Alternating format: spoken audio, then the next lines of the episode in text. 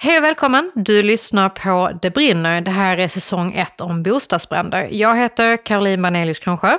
Och jag heter Mattias Stelin. Ja, nu har vi kommit till säsongsavslutningen för säsong 1 om bostadsbränder. Men eh, med det sagt så är det inte sista gången vi kommer att prata om bostadsbrand på något sätt. Det får jag verkligen hoppas, för jag tror inte vi har tömt ut ämnet. Men vi har i varje fall berört mycket inom ämnet bostadsbrand. Ja.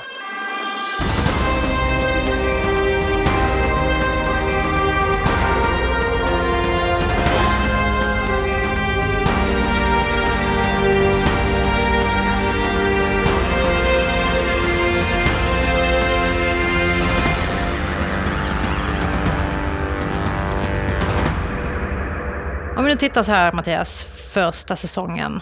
Vad är din reflektion? Vad tar du med dig? Jag tycker att vi har lyckats fånga in några saker som att alltså, vi vet mycket om bostadsbränder och det går framåt men det går långsamt.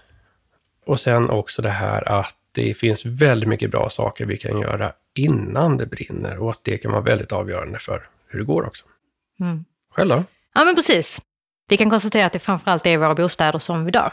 Eh, och att vi också kan konstatera att vi kan göra någonting, vi kan påverka utgången. Mm. Och som vi kan konstatera också med gäster, det brinner ju även hos oss. Det brinner hos alla.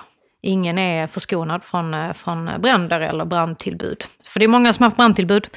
Det är många som kan hantera sin brand. Ja. Vilket är skönt det också i sig. Det är jättebra. Ja, du, vi har ju fått en del lyssnarrespons också. Vi har fått in en del lyssnarfrågor Ja, spännande, under den här säsongen. Ja. Som jag tänkte vi ska ta lite här i det här avsnittet också. Ska vi börja med dem eller ska vi börja med någonting annat? ja, men jag tänker vi, vi tar dem. Vi tar dem. Mm. Ja.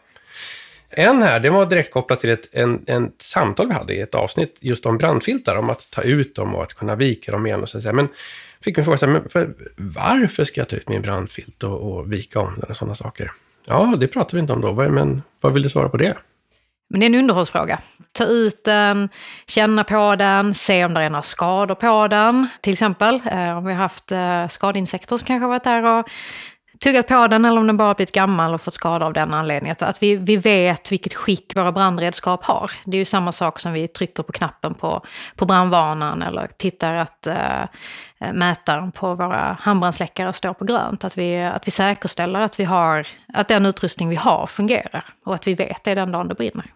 Mm. Så, alltså. Ta ut brandfilten och eh, kolla att den mår bra. Vik ihop den så som den var vikt också och stoppa tillbaka den i förpackningen. Precis. Och det är det du ska göra sen här i eftermiddag. Det ska vi göra sen. En annan fråga som har fått, det är vem ska jag vända mig till för att få bort saker ur trapphuset som inte är mitt? Mm. Jag skulle säga, det är klart, det är, så här, vet man vem saker det är kanske man kan vända sig till den, men, men det kan ju vara svårt ibland med grannsämja och sådär. I grund och botten så är det fastighetsägaren som är ansvarig, så att vänd dig i första hand till eh, fastighetsägaren och eh, är det så ett problem så räcker det inte med att, städa bort dem, utan det måste kanske upp till information om att eh, man inte får ställa saker där. Är det också, vi hade ett avsnitt här om systematiskt brandskyddsarbete och sådana saker också. Att det kan ju vara så att sakerna hamnar i trapphuset därför att de inte har någon bra placering i övrigt eller barnvagnsrum som ligger väldigt dumt till. Eller så. Det kan ju vara så att man behöver faktiskt åtgärda det så att de här sakerna har en bättre plats att ta vägen till. Om vi går vidare i frågelistan. Vem ska hjälpa de som är extra sårbara så att de kan få mer brandsäkerhet? Mm. Det är också en komplex fråga. Men som vi sa inledningsvis så kan vi ju alla hjälpas åt. Vi känner en anhörig eller någon annan som, som vi vet kanske har ett behov av mer brandskydd. Så vi kan alla hjälpa till. Men sen så är det också att vända sig till socialförvaltningen, antingen att man gör det själv eller att man gör en orosanmälan eller av annan anledning kontaktar eh, socialförvaltningen i kommunen för att eh, ta det till nästa steg. Eh, sen så självklart är det så att en person som har hemtjänst till exempel så kan ju även eh, hemtjänstpersonalen flagga upp för att det kan behövas mer brandskydd till exempel. Men grunden är ju att vi kan alla hjälpas åt Mm. eh, för att säkerställa att de som är extra utsatta eller som behöver mer brandskydd får det också. Ja, precis. Och, och om man tänker brandvarnaren som kanske är det enklast och, och väldigt, väldigt verksam hjälp vi har. Den kan man ju faktiskt hjälpa någon att, att få upp på plats i taket. Och eh, jag brukar säga också att det är en väldigt, väldigt bra inflyttningspresent när unga får sitt första boende till exempel. Åk dit och skruva upp en brandvarnare åt dem. Inte bara de unga, alla som flyttar. Alla som flyttar. Ja. Alla som flyttar kan behöva den där eh, Bra inflyttningspresent, brandvarnare. Ja. Uppskruvad. Uppskruvad, eller uppklistrad med magnet, som jag har gjort med mina. Det kan man också göra. Det kan man också göra. Det är lättare att få ner dem sen och få upp dem igen. Och få upp dem igen. Ja, precis. En annan fråga som, som vi har fått in. Om man röker, men inte vill sluta röka, vad kan man göra för att minska risken för brand? Ja, en bra fråga tycker jag. Och, och för den enskilde så skulle jag säga att några enkla saker som man kan ta till direkt, det är ju kanske att skaffa ett sånt här rökförkläde till exempel, som man kan ha på sig när man sitter och röker. Men också välja platsen man röker på. Till exempel kanske sitta vid köksbordet på möbler som inte är stoppade, som inte tar eld så lätt. Då har du det som ett rökförkläde då. Då har du skyddat dina kläder och du har möbler omkring dig som inte antänds lätt. Att sitta i soffan eller en stoppad fåtölj eller gud förbjude, ligga i sängen och röka, det, det är ju verkligen, eh, verkligen inte bra. Men om man sen verkligen, om man behöver mer hjälp med så, och kanske behöver till exempel ett, ett, någon form av släcksystem hemma som kan agera snabbt vid rökning, ja då är det ju kommunen man behöver få hjälp ifrån. Och då är det socialförvaltningen man, man får prata med. Mm. En fråga till för kvinnorna, det är så här, kan jag sätta in en spisvakt själv? Du kan köpa en spisvakt själv. Däremot så skulle vi rekommendera att ta hjälp av en elektriker för att installera den. För det krävs lite mer än bara två hål i väggen. Ja, precis. Det är en lite större, lite större ingrepp än så. Ja, och det är egentligen oberoende av vilken typ av spisvakt som man har köpt.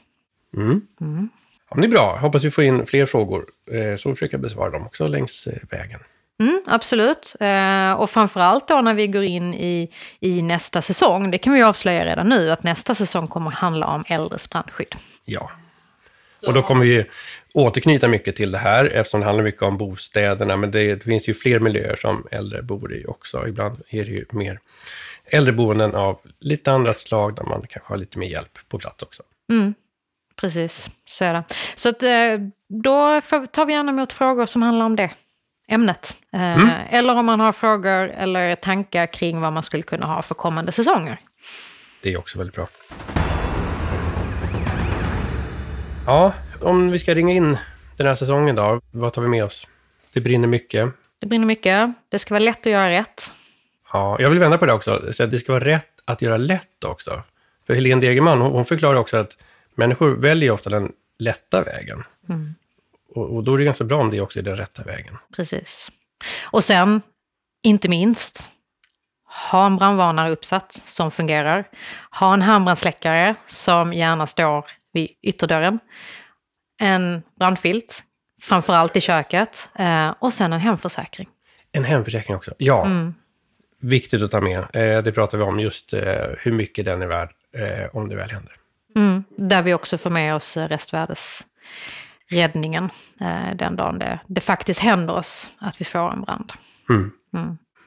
Ja, men återigen också tycker jag så, det är värt att nämna många gånger. Har man en lite extra sårbar person i sin närhet på något sätt, eh, se om din, de kanske behöver lite extra hjälp och, och hjälp dem att få den hjälpen också. Mm, så är det. Och mer information eh, kommer länkas via brandfors.se. Ja, och där finns ju mycket också. Om man vill gå lite djupare än vad vi gör i, i poddarna, så har vi ju webbinarier och vi har filmer och vi har ja, olika forskningsrapporter och, och eh, kunskapssammanställningar och sådana saker. Så att man kan ju gå djupare också om man vill eh, så att säga, gå förbi poddnivån utav det här. Mm. Och, det, och där finns ju så mycket mer information än bara bostadsbränder också. Eh, där kan man förkovra sig ganska mycket när det gäller brandskydd generellt. Ja. Bra. Börjar vi närma oss slutet? Ja. Men eh, Mattias, då gör vi så här att vi tackar för denna säsongen. ja, och så ser vi fram emot nästa som vi då kommer fokusera på äldre människors brandsäkerhet. Tack för oss. Mm, tack så mycket. Du har lyssnat på Det brinner, en podd som vill lära dig mer om brandsäkerhet. Podden produceras av Brandforsk som arbetar för ett brandsäkert och hållbart samhälle byggt på kunskap. Du kan nå oss på brandfors.se. Där kan du ställa frågor till oss och komma med förslag på frågor för oss att ta upp här i podden. Och till nästa gång, kom ihåg att testa din brandvarnare.